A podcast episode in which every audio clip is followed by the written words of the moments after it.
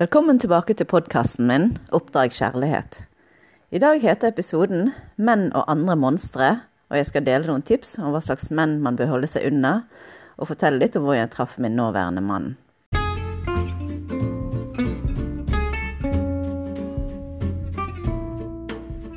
Denne podkasten handler om kjærlighet, å finne den og utvikle den og få den til å vare.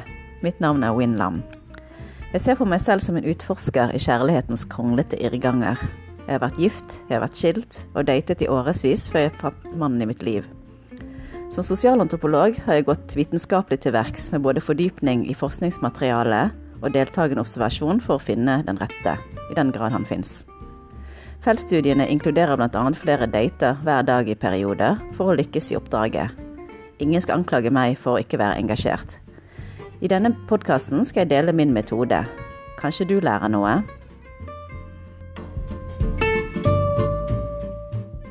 Når man er ung, tenker man at man skal finne en kjæreste, gifte seg og få barn. At det skal være lett, og at man skal vite med en gang når det er riktig. Men det viser seg at det ikke skulle være så lett. Hvordan kan man vite det? Det er ikke sånn som i Disney-filmene, når musikken endrer seg og man ser på hverandre og vet. Det er den beryktede kjemien. Kjemien kan gjøre deg blind. Men når den første spenningen er over, må man forholde seg til realiteten. Og det er ikke alltid slik du forventer at den skal være. Vi kvinner er veldig flinke til å finne på unnskyldninger for menn som ikke egentlig er interessert i oss. Disse mennene er ikke der at de kan gi ditt ego noe som helst, men av en eller annen grunn holder vi på dem. Det sies at et forhold kan være et godt sted å bygge opp ens selvfølelse, men det kan også være et sted hvor du virkelig kan få en knekk. Tenk på alle krisesentrene som er fulle av kvinner som har blitt i nåværende forhold i årevis. Så utfordringen er å finne noen som bygger deg opp, og luker vekk de som trakker på deg. Jeg skal gå gjennom noen hovedgrupper av menn man ikke bør date, som jeg kom borti i min datingkarriere. 1. Menn som egentlig ikke er interessert i noe annet enn sex. 2. Menn som er skadet fra tidligere relasjoner og ikke kan forplikte seg selv om de egentlig vil. 3 men som er i en annen livsfase enn deg selv. La meg gå nærmere inn på hver kategori. 1. Menn som egentlig ikke er interessert. Hvis du må lage unnskyldninger for dem, da er de ikke interessert. Menn som er interessert, svarer på meldinger, i alle fall i løpet av en dag.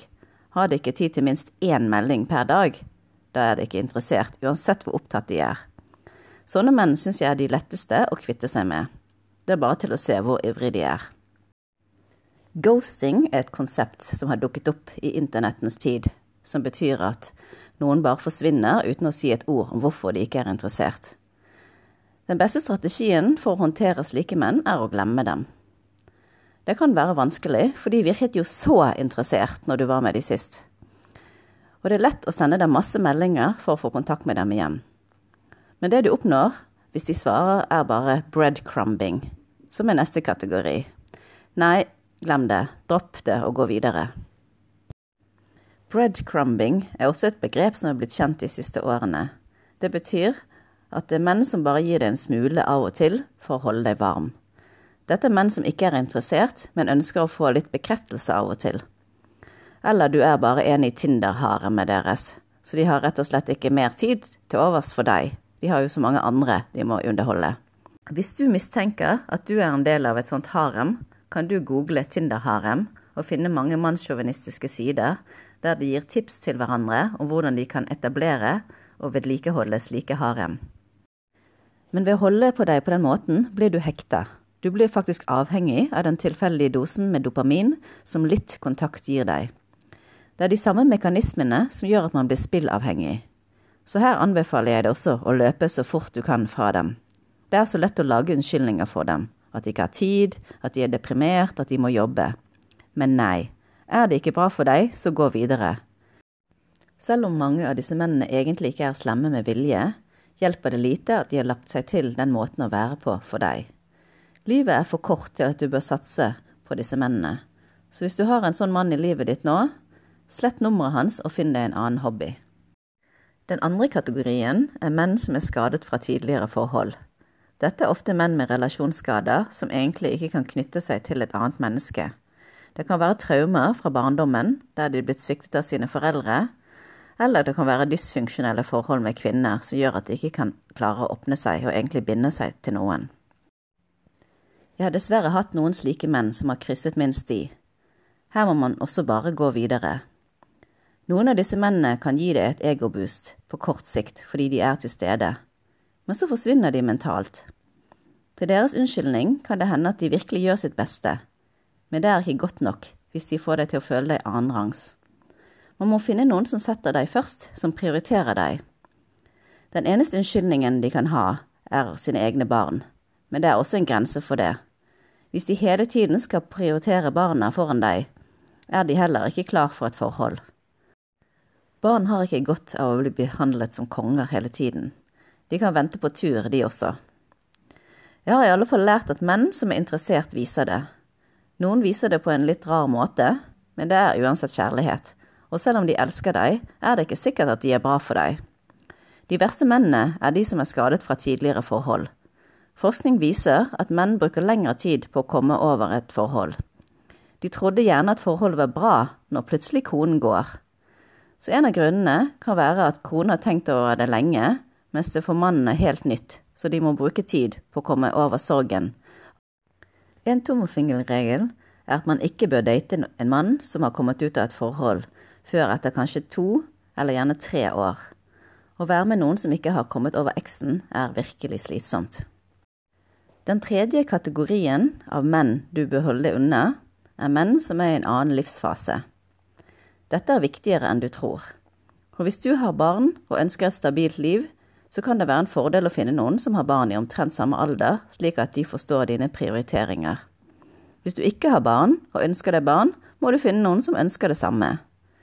Hvis du vil satse på karriere, er det viktig å ha en som enten forstår det, eller er samme typen selv, samtidig som at dere setter av tid til forholdet. Det er folk som ikke skjønner at de må investere i et forhold men dette er som oftest et tegn på umodenhet. Hvis begge er like umodne, kan det jo gå en stund før man utvikler seg sammen. Man trenger ikke å være helt like, det er også forhold der man utfyller hverandre. Men hvis interessene kolliderer, blir det problemer. Kjærlighet overvinner nemlig ikke alt.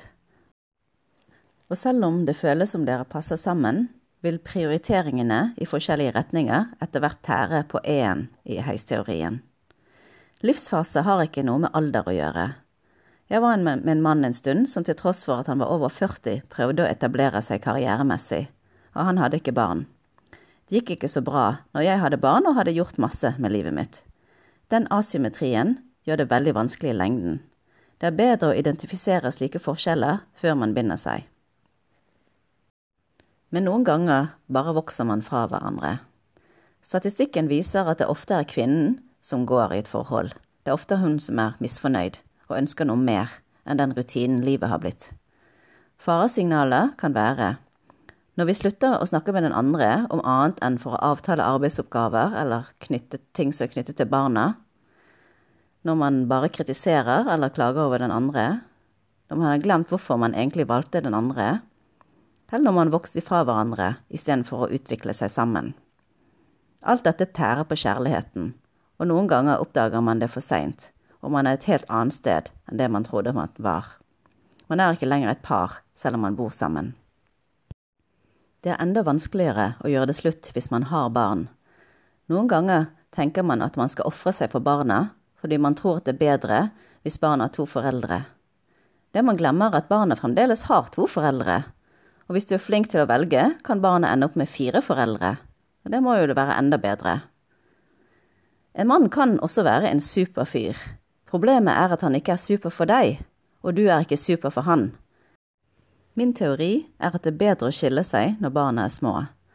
Når man hele tiden er sur og kranglete, er man dårlige forbilder for barna. Man ser på mange som sier at de skal vente til at barnet blir eldre for å skille seg, men det er egentlig bare en unnskyldning. Barn tar ikke skilsmissen bedre jo eldre de blir. Kanskje heller tvert imot. Min teori er også at jo lenger de er vitne til et dårlig forhold, jo mindre vil de tro på kjærligheten.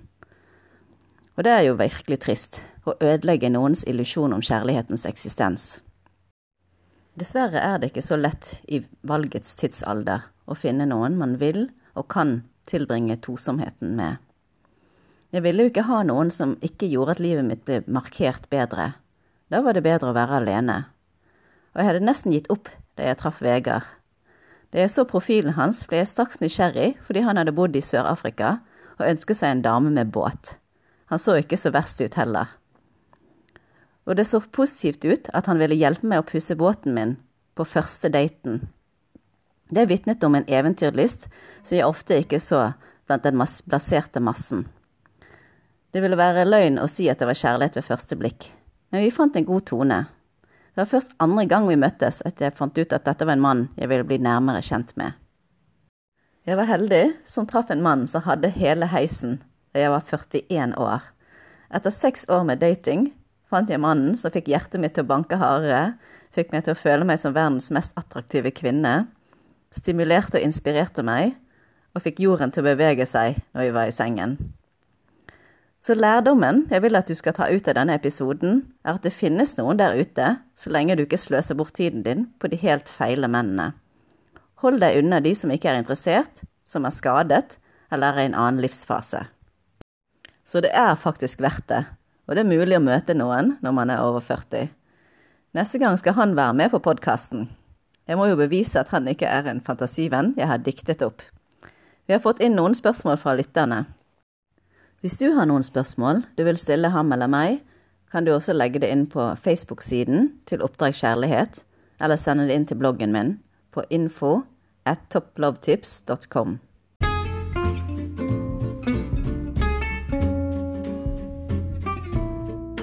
Tusen takk til dere som har lyttet til denne podkasten. Mitt navn er Win Lam. Du kan abonnere på denne podkasten slik at du får varsel hver gang det kommer en ny episode. Hvis du deler den med venner og kjente, kan vi kanskje sammen spre kjærligheten.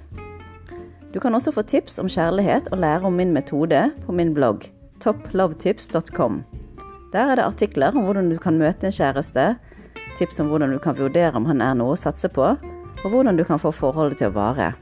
Det er ikke så mange artikler der ennå, men de kommer etter hvert. Sjekk det ut topplovetips.com.